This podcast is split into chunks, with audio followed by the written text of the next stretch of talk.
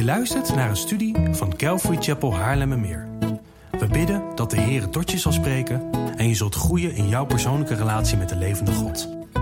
Bezoek voor meer informatie onze website calvarychapel.nl. Dat is c a l v a r y c h a p e l.nl.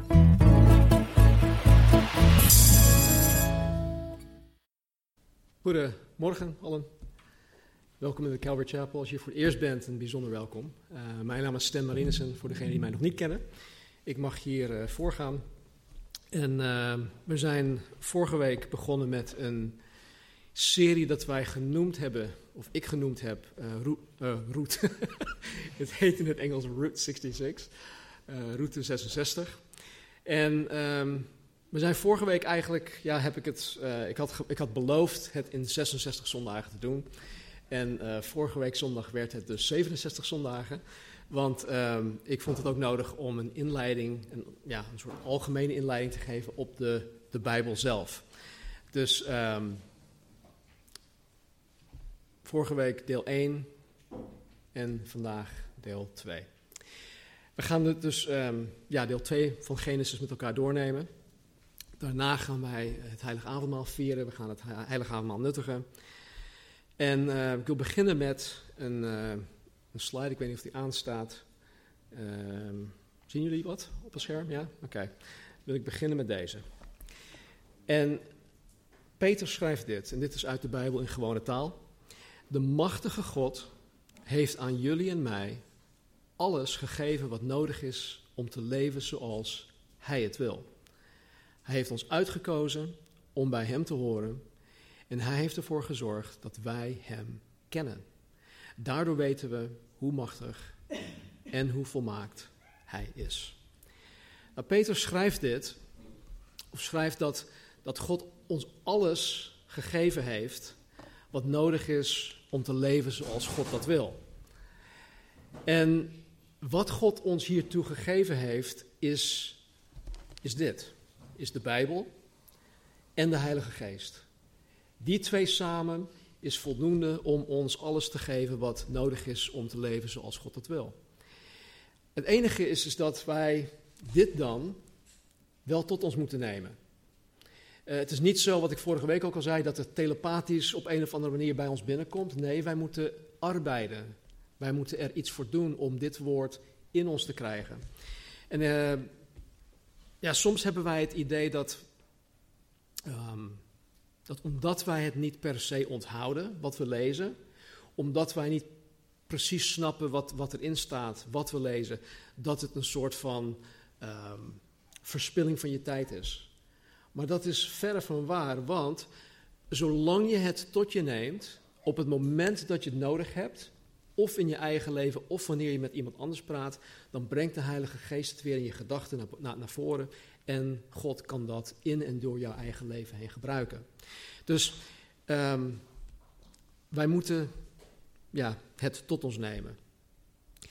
Um, waar wij ons vooral van bewust moeten zijn, is dat het lezen en het bestuderen van de Bijbel, het eigen maken van de Bijbel, onder andere geestelijke oorlogsvoering is. Het is natuurlijk veel meer dan dat, maar één aspect van het Bijbellezen, van het Bijbel eigen maken, is geestelijk, is, is geestelijk uh, oorlogsvoering. Want wanneer jij als kind van God de Bijbel opent en tot de kennis van de waarheid komt, dan spring je met beide benen de geestelijke strijd in. De strijd tegen de duistere machten van wie? Van de Satan. En wanneer je dat doet, wanneer je de waarheid gaat leren kennen, wanneer het woord van Christus, zoals Paulus dat zegt in, in, in de Colossensebrief, wanneer het woord van Christus in rijke mate in je gaat wonen, dan heb jij iets voor op de Satan. Dan heb je een voordeel over Satan. Wanneer jij de waarheid leert kennen, dan ga je de leugen van Satan niet meer geloven. Want de waarheid ontmaskert de Satan en het ontkracht zijn leugens. Waarom denk je en je hoeft het niet te beantwoorden, maar waarom denk je dat het voor jou zo moeilijk is om de Bijbel überhaupt te openen? Ik geloof omdat de duistere machten er alles aan doen om jou hierin tegen te houden. Het is een geestelijke strijd. Het is niet alleen, ja, ik heb geen zin of ik ben moe. Nee, er is een geestelijke strijd gaande. Dus hoe, hoe proberen de duistere machten jou tegen te houden? Hoe houden zij jou van Gods woord, de Bijbel, af? Nou, er zijn allerlei verschillende manieren. Ik ga vanmorgen een aantal dingen noemen. En ik, als ik hiermee klaar ben, dan gaan we echt Genesis weer induiken. Maar dit is even belangrijk. Ik had het op mijn hart, dus ik heb het hier aan toegevoegd. Nou, hoe probeert de duistere macht of de duistere machten jou tegen te, tegen te houden? Nou, onder andere door dit. Door jou te laten geloven dat jij er niets van snapt of dat je er niets van snappen kan. Dat je niet begrijpt wat je leest en dat je het ook nooit echt zal gaan begrijpen. dat het wellicht voor anderen werkt, maar niet voor jou. Want ja, jij, jij zit niet zo in elkaar. Je bent geen lezer, je bent meer uh, visueel of auditief ingesteld. En weet je, dit is een hele effectieve leugen. En te veel mensen, te veel christenen, misschien zelfs te veel van jullie, geloven deze leugen.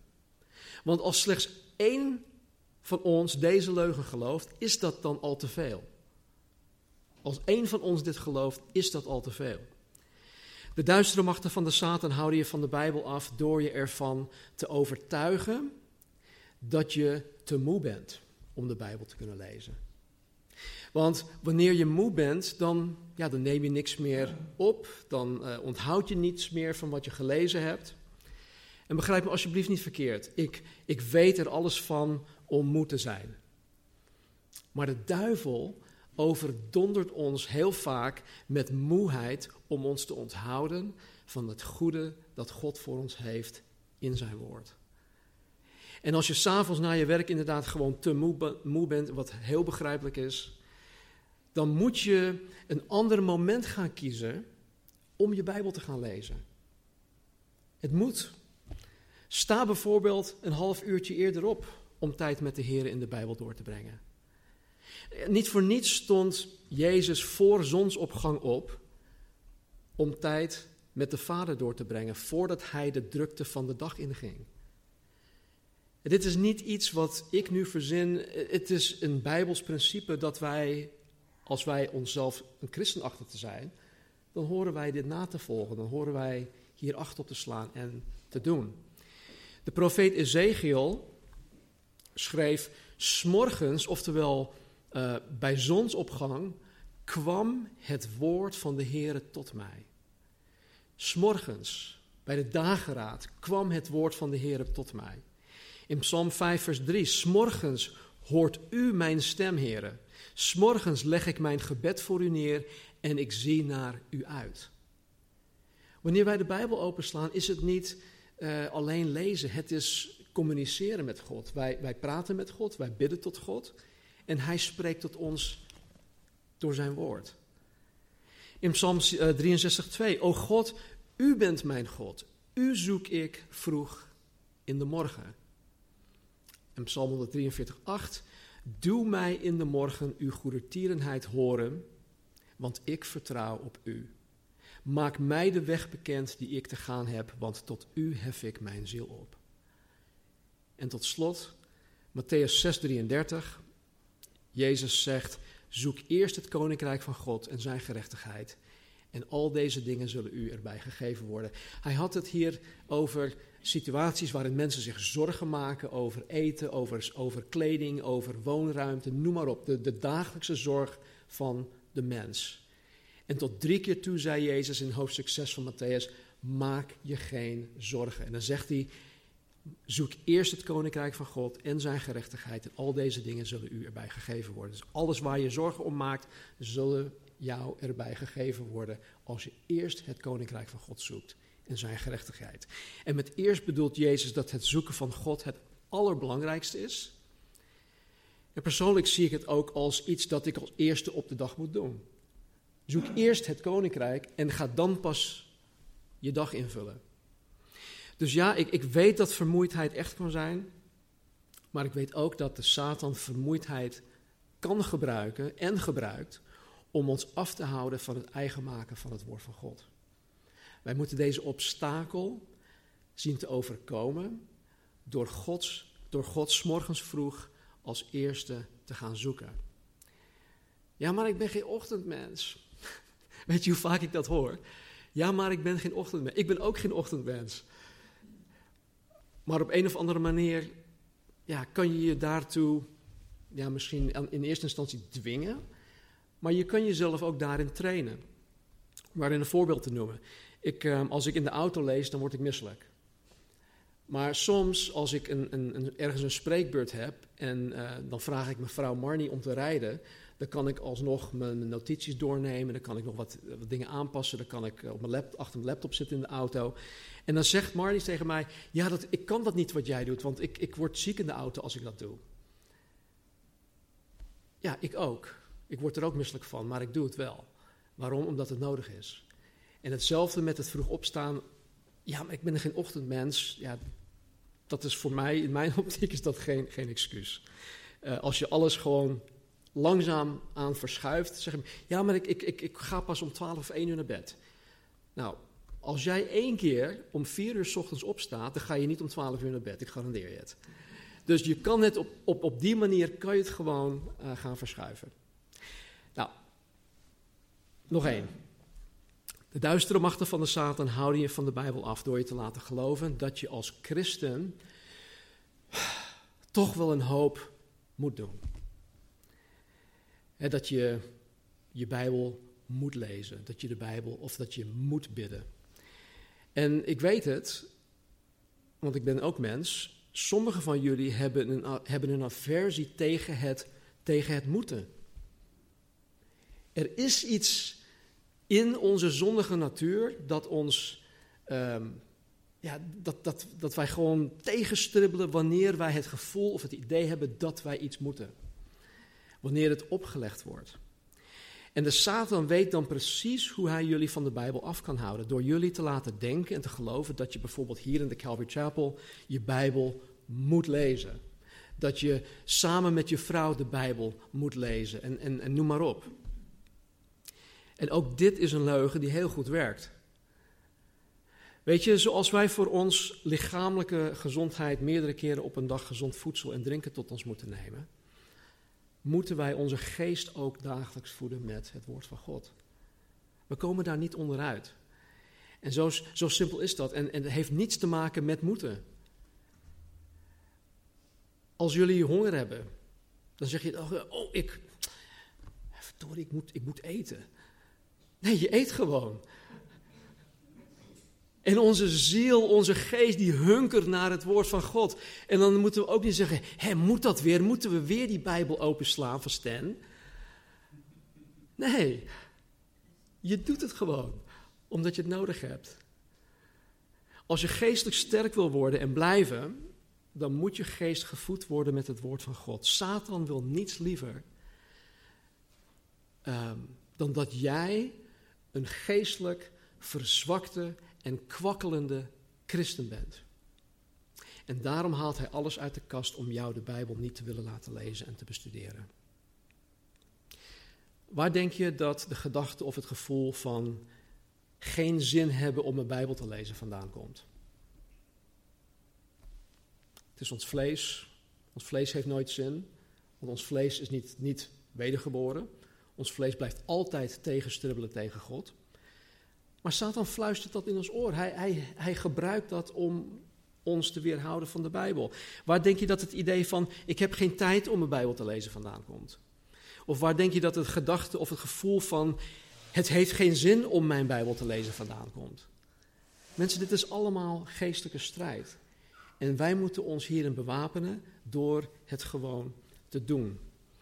De duistere machten weten dat zodra jij de Bijbel openslaat en de waarheden van Gods woord gaan, gaat snappen en toe-eigenen, dat jij, dat jij vrijgemaakt wordt van de leugen en van de gebondenheid van de leugen. En zodra jij tot kennis der waarheid komt over een bepaald onderwerp of een levenssituatie, dan heeft de Satan geen vat meer op jou. Dan kan hij niks meer. Dus nogmaals, het lezen, het bestuderen, het eigen maken van de Bijbel is onder andere geestelijke oorlogsvoering. En God wil dat jij in zijn kracht deze strijd, koste wat kost, aangaat. En mijn gebed en hoop is dan dat deze serie jullie gaat helpen om de Bijbel eigen te maken. Nou, ik moest het even kwijt. We gaan nu Genesis in. Nou, zoals ik vorige week zei, zouden wij de rest van de Bijbel, dus Exodus tot en met Openbaring, totaal niet kunnen begrijpen, los van Genesis. Genesis legt de basis voor de rest van de Bijbel. Genesis laat ons kennis maken met alles dat de resterende 65 uh, eh, boeken in de Bijbel ons duidelijk wil maken. Kortom, Genesis helpt ons te begrijpen hoe het allemaal begon en Openbaring helpt ons te begrijpen waar het allemaal naartoe leidt. En wat ik vorige week ook zei, de 64 boeken ertussenin, die vullen de gaten. Nou, Genesis bestaat uit um, twee delen. Deel 1 is Genesis 1 tot en met 11 en dan gaat het over vier hoofdgebeurtenissen. Die hebben wij afgelopen zondag behandeld. De schepping, de zondeval, de zondvloed en de toren van Babel. En deze eerste elf, elf hoofdstukken behelzen een periode van, van zo'n 2000 jaar. Dus als je elf hoofdstukken hebt gelezen, dan heb je door een periode van 2000 jaar gelezen. En deel 2 is, uh, hoofdstuk 12 tot en met 50 en dat gaat dan over vier hoofdpersonages, namelijk Abraham, Isaac, Jacob en Jozef. En de tweede deel behelst een veel kortere periode, een periode van zo'n 286 jaar. En vandaag maken wij onze reis in, uh, door Genesis uh, af, door naar deze vier hoofdpersonages te gaan kijken.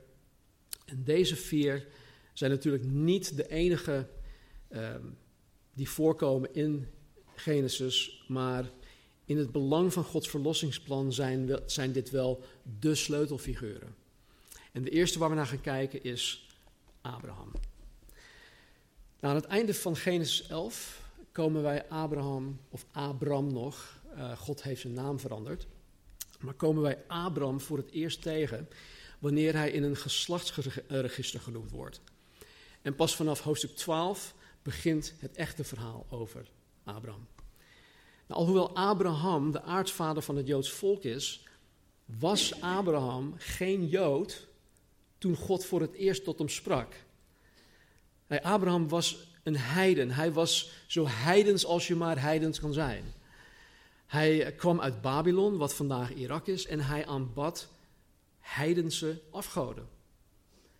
Maar ondanks dat had God in zijn soevereiniteit Abraham, Abraham gekozen om de vader van Israël en uiteindelijk de vader van alle naties te worden. God zag vanuit de hemel, of God zag Abraham vanuit de hemel en zei van, ik kies hem om mij te dienen. Ik kies hem om aartsvader te worden van het volk dat ik uh, voor, het, uh, voor het oog heb. Er staat er in Genesis 12, 1 dit. De Heere nu zei tegen Abraham, gaat u, gaat u uit uw land, uit uw familiekring en uit het huis van uw vader, naar het land dat ik u wijzen zal. En hier in Genesis 12 komt God dus ineens tevoorschijn. We weten niet waar Abraham mee bezig was. Maar hij komt ineens tevoorschijn en verkiest Abraham, wiens naam zo'n 24 jaar later veranderd werd in Abraham. Maar hij koos Abraham. God koos Abraham. En hij koos hem niet alleen. God stuurde Abraham meteen weg. Weg van alles waarop hij anders zou kunnen leunen of steunen. Hij stuurde hem weg vanuit zijn comfortzone. En God heiligde Abraham. Oftewel, God zonderde Abraham af voor zichzelf. En dan komt Gods belofte aan Abraham, vers 2 tot en met 3. God zegt, ik zal u, Abraham, tot een groot volk maken. U zegenen en uw naam groot maken. En u zult tot een zegen zijn. Ik zal zegenen wie u zegenen en wie u vervloekt zal ik vervloeken. En in u zullen alle geslachten van de aardbodem gezegend worden. De belofte van God aan Abraham bevat drie dingen. Eén is een land dat God hem wijzen zal. Twee is dat God hem tot een groot volk of natie zal maken, Israël. En drie, dat uit dit volk de verlosser voort zal komen, dat, in, dat God in Genesis 3 in het proto-evangelium waar we het vorige week over hebben gehad, uh, beloofd had. En deze belofte wordt trouwens ook doorgegeven aan Isaac en Jacob en vervolgens ook door Jozef heen aan de rest. En zo leidt God Abraham en gaandeweg wijst God hem niet alleen de weg, maar God spreekt hierna nog zeven keer persoonlijk tot Abraham. Totdat hij in Genesis 25 stierf op een prachtige leeftijd van 175 jaar. Nou, het land dat God aan Abraham beloofde, is vele malen groter dan het hedendaags Israël. Volgens Genesis 15, 18 en Jozua 1, 4 gaf God Israël het gehele gebied. Probeer dit voor je te zien. Het gehele gebied vanaf de rivier de Nijl in Egypte tot aan het noorden in Lebanon. Dus van, van, van zuid tot noord, van, van de rivier Egypte, de Nijl in Egypte, tot aan Lebanon. En dan van oost tot west, alles vanaf de Middellandse Zee tot aan de rivier de Eufraat. Het land dat God aan Israël gaf, omvatte dus um, ja, Israël zoals wij het vandaag de dag kennen, inclusief de omstreden Gazastrook en de westelijke Jordaanoever. Plus een gedeelte van Egypte, Syrië, geheel Jordanië en een gedeelte van Saoedi-Arabië en een gedeelte van Irak. Israël nu bezit slechts een, een fractie van wat God aan Israël had beloofd. Een heel klein stukje maar. En misschien denk je, ja, zoiets van, ja, oké, leuk, maar wie geeft God dan het recht om zomaar land van inheemse mensen te onteigenen, om het vervolgens aan Israël te geven? Praat met elk willekeurig mens op straat die, uh, die niet voor Israël is. En ze zullen tegen je zeggen dat de Palestijnen recht hebben op de Gazastrook en op de westelijke Jordaan-oever. Nou, mijn Bijbel spreekt dat tegen.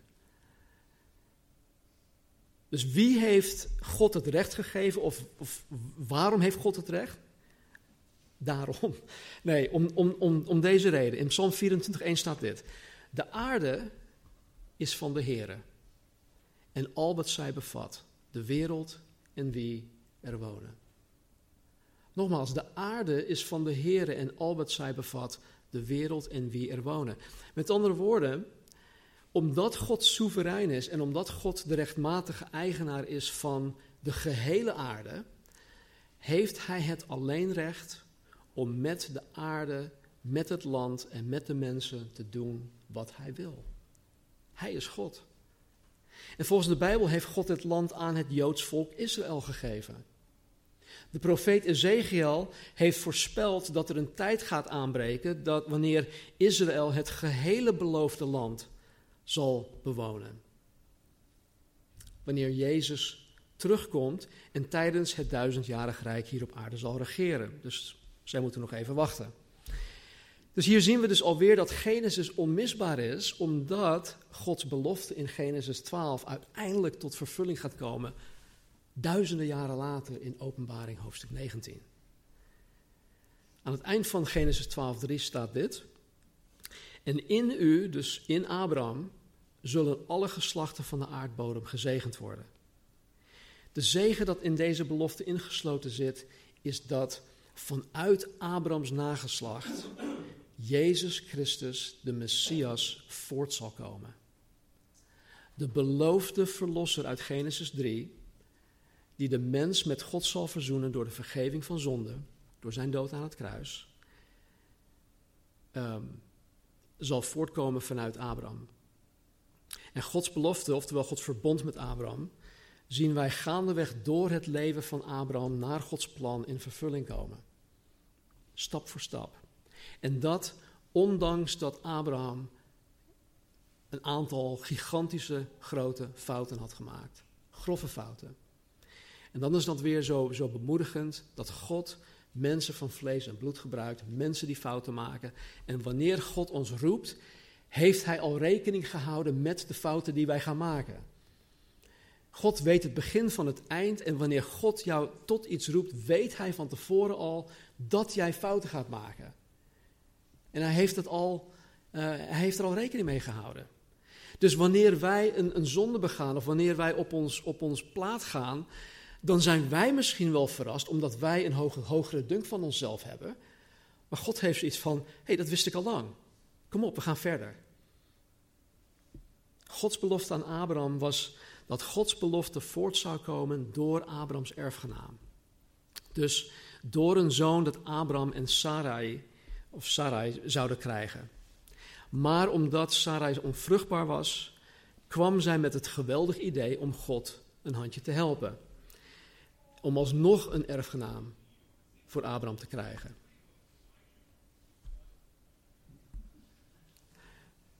En het gebeurde dus dat Abraham met Hagar, het Egyptisch dienstmeisje van Sarai, een zoon Ismaël kreeg. En volgens hen zou Ismaël hun, ja, dus de door God beloofde erfgenaam zijn. Maar het was niet zo. God had andere plannen. God had Isaac op het oog. En toen Ismaël 14 jaar oud was, kregen Abraham en Sarah op een wonderlijke wijze hun door God beloofde erfgenaam en zoon, Isaac. En Isaac zal uiteindelijk Jacob krijgen, wiens naam door God veranderd wordt in Israël. Maar ondertussen bracht Ismaël het Arabisch volk voort, waardoor hij de stamvader van de Arabieren is. En vandaar dat niet alleen de Joden en niet alleen de christenen, maar ook de moslims Abraham hun aartsvader noemen.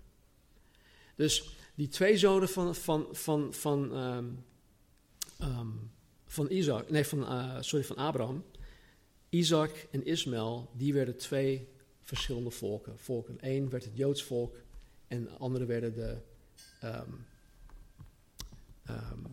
de Arabieren, sorry, ja. Goed, Isaac. In Genesis 17 spreekt God voor de vijfde keer tot Abraham. En God belooft dat Abraham en Sarah over een jaar een zoon zullen krijgen en dat ze hem Isaac moeten noemen. Er staat dit. Uw vrouw Sarah zal u een zoon baren en u moet hem de naam Isaac geven. Ik zal mijn verbond met hem maken, tot een eeuwig verbond, voor zijn nageslacht na hem. Hier belooft God niet alleen dat een honderdjarige man en een negentigjarige vrouw, die beide geen kinderen meer konden verwekken, toch een zoon gaan krijgen.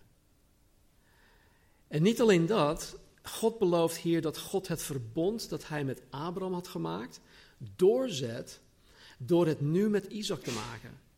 Het is, het is vanuit God is het sowieso een eenzijdig verbond.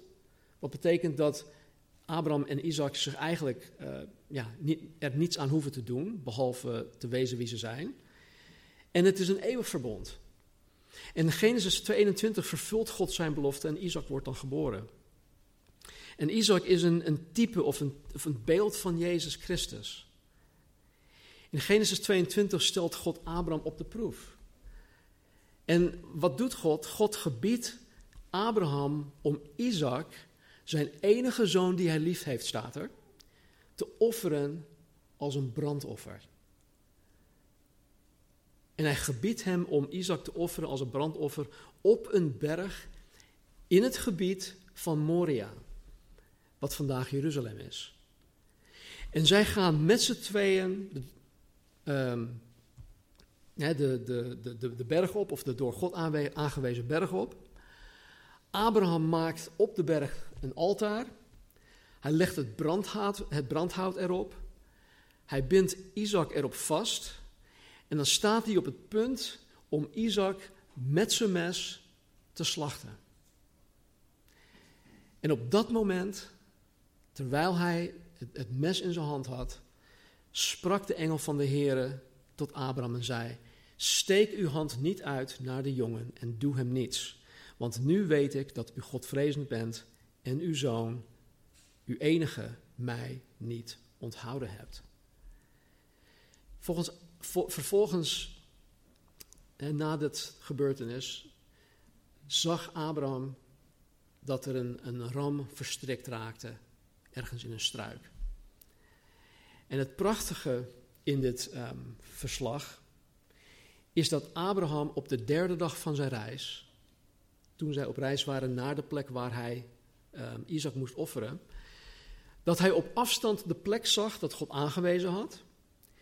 En hij zei tegen zijn twee knechten die hij meegenomen had, om op deze plek te blijven en dat hij, dus Abraham en Isaac naar de berg toe gingen om de Heer te aanbidden. En dat wanneer zij klaar waren, zij allebei terug zouden komen. Dit, dit, dit zei hij ondanks dat God hem geboden had om Isaac te offeren. Abraham geloofde dus dat ondanks dat hij Isaac zou moeten slachten en als brandoffer aan God moest offeren, dat God bij machten was om Isaac zelfs indien nodig uit de dood terug te brengen, omdat God aan Abraham had, beloofd dat door Isaac Gods verbond vervuld zou worden. Nou, eenmaal op de plek zei Isaac, hey pa, luister. Ik zie het hout wel en je hebt je lucifers bij je. Maar waar is het lam voor het brandoffer? Wat doen wij hier? Waarop Abraham zei dat God zichzelf zal voorzien van het lam voor het brandoffer. En het was ook zo. De ram die verstrikt raakte, ehm, werd uiteindelijk geofferd. Maar dit wijst natuurlijk op Jezus Christus. God zal zichzelf voorzien van het lam. Het lam voor ons geslacht, dat is Jezus Christus. Dus God voorspelde het al. nadat God zichzelf inderdaad had voorzien van de ram voor het brandoffer, noemde Abraham die plek: De Heere zal erin voorzien. In het Engels zeggen we Jehovah Jireh. Nou, dit is trouwens dezelfde berg waarop koning Salomo de tempel had gebouwd. Het is ook de berg waar uh, de tweede tempel werd gebouwd. De tempel van, uh, die nog stond, de tempel van Herodes, in de tijd van Jezus. Sterker nog, dit is ook de berg waarop Jezus zo'n 2000 jaar later op gekruisigd werd. Misschien niet exact dezelfde plek, maar wel op het gebied van Moria. Jacob. Nou, Isaac en zijn vrouw Rebecca hadden een tweeling gekregen. Esau en Jacob. En God in zijn soevereiniteit bepaalde dat zijn belofte, zijn verbond met Jacob gemaakt zou worden in plaats van de eerstgeborene, of de eerstgeboren Esau. En de naam Jacob betekent verdringer. Hij was inderdaad iemand die op alle fronten van alles wilde toe-eigenen door, door ellebogenwerk, door, um, ja, ja, door ellebogenwerk. Totdat God daar een einde aan maakte. God wilde hem veranderen. En op een avond, toen Jacob op de vlucht was van zijn broer Esau, kwam God in de vorm van een mens naar hem toe. En hij worstelde de hele nacht door met Jacob. Uiteindelijk had God gewonnen. En op dat moment veranderde God Jacobs naam in Israël, omdat hij met God gestreden heeft. Jacob heeft twaalf zonen gekregen, die uiteindelijk de, de, ja, de boegbeelden van de twaalf stammen van Israël werden.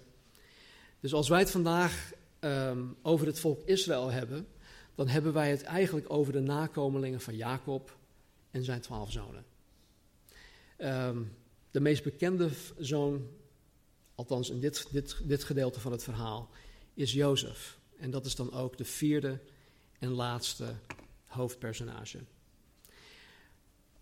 Nou, de godsleiding, en dit klinkt heel raar, want als je het verhaal leest, dan zou je denken, wauw, wat heeft die man veel meegemaakt. Maar dit is echt door Gods leiding geweest. En dus door Gods leiding werd Jozef op 17-jarige leeftijd naar Egypte gebracht. En daar werd hij uiteindelijk de rechterhand van de farao, oftewel van de koning. En doordat jo Jozef deze machtspositie hield, was hij in staat om zijn vader Jacob en zijn broers te redden van de ondergang wegens een hongersnood in dat hele gebied. Hij had hier trouwens dromen over. Tijdens deze hongersnood kwam Jacob met zijn gehele stam, 70 mensen in totaal, naar Egypte toe. En zij kregen van Jozef en van de farao het beste stuk land om op te wonen. Kijk, als, als Jacob en zijn stam in Canaan door de hongersnood waren omgekomen, dan zou ook de zoon van Jacob, Juda, omgekomen zijn. En Juda is de stam waaruit de Messias, Jezus Christus, uit voortgekomen is. Dus hierin zien wij het belang van Jozef. Als Jozef zijn familie niet gered had, dan zou de tak van Juda afgekapt zijn, waardoor Jezus Christus dus nooit geboren zou zijn geweest. Jozef is dus een verlosser, waardoor hij een perfect typebeeld van Jezus Christus is. Dus we hebben Jacob, of sorry, we hebben Abraham, Isaac, Jacob en Jozef. Alle vier sleutelfiguren, zonder wie Jezus Christus 2000 jaar geleden niet geboren zou worden. Dus is Genesis belangrijk? Zeker weten. Zonder Genesis slaat de rest van de Bijbel, plat gezegd, nergens op. En uh, uiteindelijk gaat de Bijbel, wat ik vorige week ook zei, om Gods verlossing. Uiteindelijk gaat de Bijbel om Jezus Christus.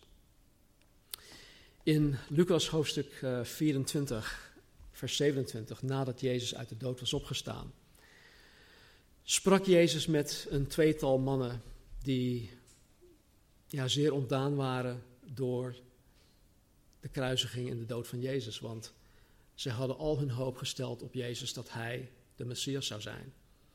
Maar goed, hij werd gekruisigd, hij werd begraven en alle hoop waren ze kwijt. En ze gingen weer naar huis toe. En onderweg kwam Jezus hun tegemoet en hij voegde zich uh, aan deze twee mensen. En hij begon met hen te praten. Zij herkenden hem niet. Maar er staat er op een gegeven moment dit. En hij, Jezus, begon bij Mozes en al de profeten en legde hun uit wat in al de schriften over hem geschreven was.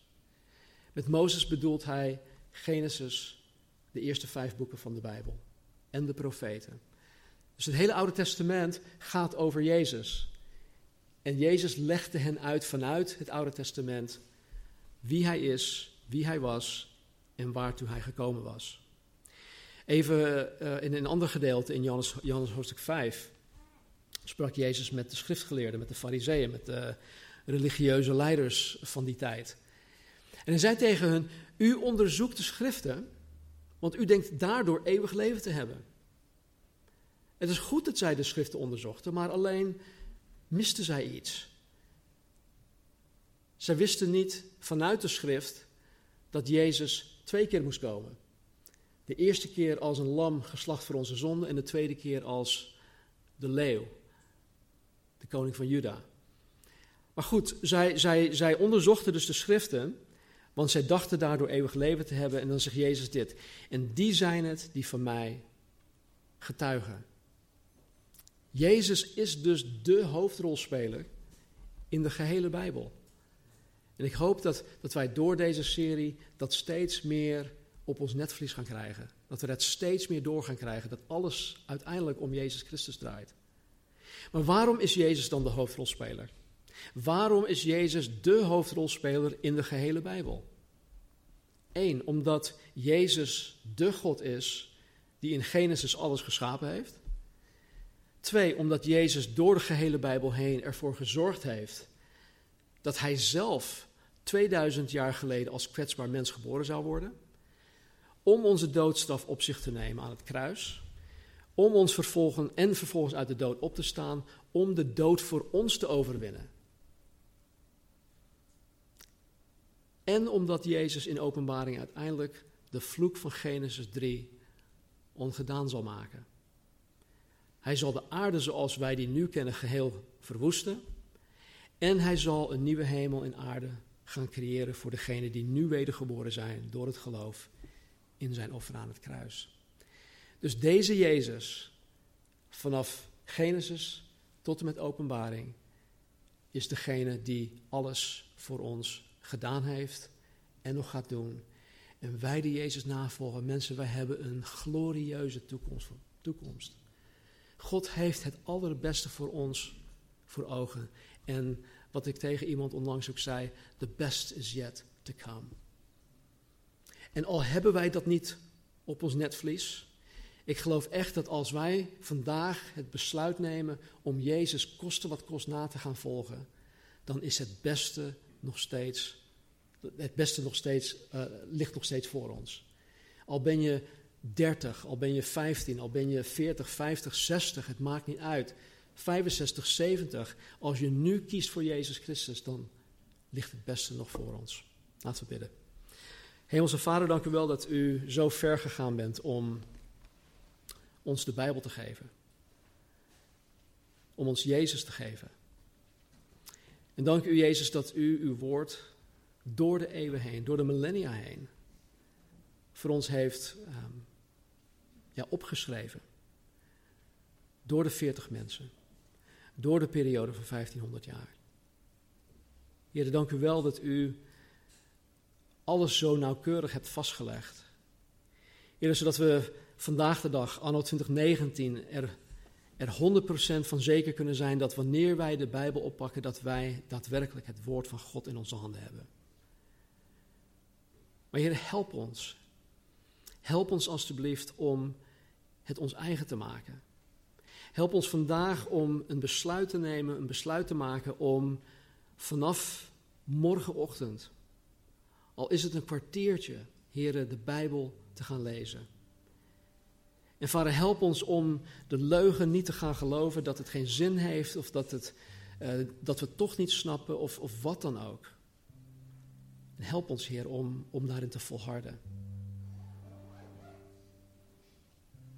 Vader, als er iemand is die u nog niet navolgt, die misschien aan u aan het snuffelen is, Heer. Iemand die um, zich oriënteren is aan, in het christelijk geloof. Vader, help deze persoon of deze personen om u te gaan zien voor wie u bent. Vader, u zegt in uw woord, Jezus zei zelfs dat niemand tot hem kan komen tenzij dat de, de Vader hem of haar trekt. Dus vader, we bidden dat u deze mensen naar Jezus toetrekt. Beweeg, Heer, door uw Heilige Geest in de harten van mensen. En trek een ieder die u nog niet kent naar Jezus toe. Doe dat vanmorgen. Doe dat hier. Doe dat ook voor degenen die online die, uh, de preek zien of beluisteren. Dank u wel voor Jezus en het offer aan het kruis. Dank u wel dat wij dat regelmatig mogen gedenken. Dank u wel dat wij gered zijn. Heer, uw redding, de wedergeboorte, is het grootste wonder dat in een mensenleven gebeuren kan. En ik dank u, Heer, voor dat wonder. Dank u dat wij met u verzoend zijn. Dat wij 24/7 te allen tijden bij u kunnen komen. En dank u, Heer, dat u van tevoren al weet wie wij zijn, wat voor fouten wij gaan maken, wat voor blunders. En dat u ondanks dat ons toch nog gekozen hebt. Dus Heer, heilig ons, maak ons meer als Jezus Christus. En wanneer we het heilige avondmaal nuttigen, help ons te zien wie Jezus is en wat Hij gedaan heeft aan het kruis en dat Hij uit de dood is opgestaan. Dat vragen in Jezus' naam. Amen. Wij uh, mogen het heilige avondmaal vieren. En wij doen dat uh, ja, altijd op de eerste zondag van de maand. Dat hoeft niet per se, het is niet bijbels voorgeschreven dat wij het per se op de eerste zondag van de maand doen, maar wij hebben daarvoor gekozen. En wij doen het regelmatig omdat Jezus het ons opdroeg. Hij droeg het ons op zodat wij het evangelie altijd op ons netvlies zouden hebben. En zodat wij er altijd van bewust zijn wat Jezus voor een ieder van ons aan het kruis gedaan heeft. En weet je, toen ik pas tot geloof kwam, zei iemand ooit tegen mij, of ik hoorde het ergens in de preek, dat al was ik de enige op aarde dan zou Jezus alsnog aan het kruis voor mij gestorven zijn. Zo persoonlijk is God. De God van maatwerk. Hij weet precies wat wij nodig hebben. Jezus at het avondmaal met zijn discipelen. En hij heeft het sacrament ingesteld voor al zijn discipelen. Dus ook discipelen anno 2019. En dat zijn mensen die door de geest van God wedergeboren zijn, die Jezus navolgen. Wij doen hier niet aan uh, lidmaatschap, dus als je geen lid van deze gemeente bent, dan mag je gewoon het heilige avondmaal nuttigen. Enige voorwaarde is dat je Jezus navolgt. Dat je een discipel van hem bent. Dus als je een discipel van Jezus bent, voel je vrij om aan het heilige avondmaal deel te nemen. Ik wil nog een stukje uit uh, Matthäus lezen. Matthäus 26 staat, en terwijl zij aten, dus Jezus met zijn discipelen, nam Jezus het brood en toen hij het gezegend had, brak hij het en gaf het aan de discipelen. En hij zei, neem, eet, dit is mijn lichaam. Hij nam ook de drinkbeker en nadat hij, het, nadat hij gedankt had, gaf hij hun die en zei, drink allen daaruit. Want dit is mijn bloed, het bloed van het nieuw verbond, dat voor velen vergoten wordt tot vergeving van zonde.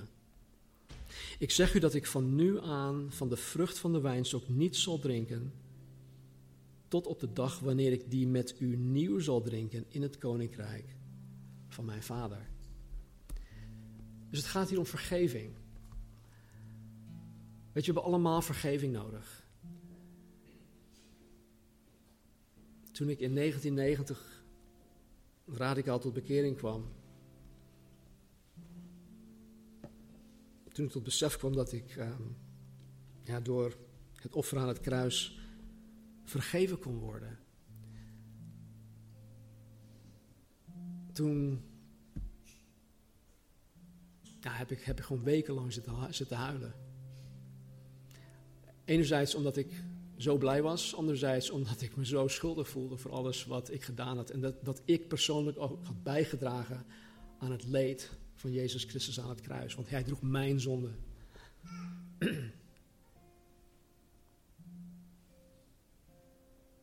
En het mooie ervan is dat wij niet alleen juridisch gezien vergeven zijn. God wil ons geweten ook geheel schoonmaken, schoonwassen. Zodat wij niet alleen weten of denken te weten, ja, ik ben vergeven van dit, dit en dat, maar dat wij ook echt weten dat God ons nu ziet, wij die vergeven zijn, door de bril van Jezus Christus. En hij ziet ons als gerechtvaardigd, geheiligd en verheerlijkt. Ik kijk, ik kijk elke dag in de spiegel en ik zie nog steeds de zondaar die ik ben. Maar wanneer God de Vader mij ziet, dan ziet Hij mij als vergeven. Hij ziet jou als vergeven. En dat is zo ontzettend mooi. En Jezus zegt dan ook: Ik zeg u dat ik van nu aan van de vrucht van de wijnstok niet zal drinken tot op de dag wanneer ik die met u nieuw zal drinken in het koninkrijk van de Vader. Dus Jezus in dit gedeelte kijkt alleen maar vooruit. Hij weet wat hij in de komende 24 uur moet doorgaan. Maar hij kijkt vooruit. En daarom zegt Paulus ook: bedenk de dingen die boven zijn, niet de dingen die hier op aarde zijn. Hoe moeilijk jouw situatie op dit moment in dit leven ook is. Werp je blik op Jezus en op onze glorieuze toekomst. André en uh, Amit en uh, Joram die gaan zo meteen een aantal liederen zingen. Um, Neem even de tijd om met God te praten. Misschien moet je dingen met, met God goed maken vanuit jouw kant. Niet vanuit Gods kant, maar vanuit jouw kant. Misschien moet je zonde opbiechten. Dat doe je tussen jou en God. Doe dat gewoon vanuit je eigen plek. En wanneer je er klaar voor bent, kan je het heilige avondmaal nemen.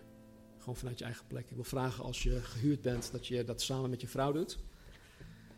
En uh, als je gebed wil, dan ben ik, uh, sta ik hier zo meteen ook vooraan om uh, met je te bidden.